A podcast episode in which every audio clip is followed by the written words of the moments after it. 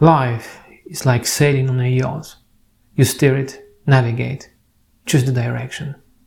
Your targets are just like buoys on the water that you pass somewhere along the way, somewhere on your long journey, and continue at full speed. Achieving goals is fun and shows that you are capable of doing a lot. However, they are not the most important. The most important thing is the direction you're going. If you choose well at the very beginning, you have already achieved success. Not after that, but now, at the beginning of the road. You don't have to wait for then.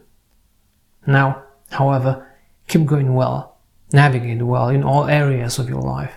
Navigate well day and night, in the rain and in dense fog.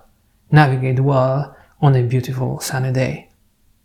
Review what you are doing frequently in each area of your life, as if you were viewing your yacht's control panel. Look at the compass gauges and indicator lights. Also listen to your natural instinct. If necessary, slightly adjust the rate every day. Every time you remember it, check if you navigate well in each area of your life, even several times a day. This is how you navigate your life, and that's enough. The results will come by themselves. You will see.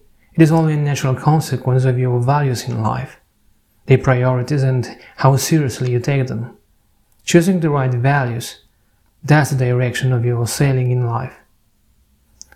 You can find more about it in the link below. Regards, Jaro Marcos.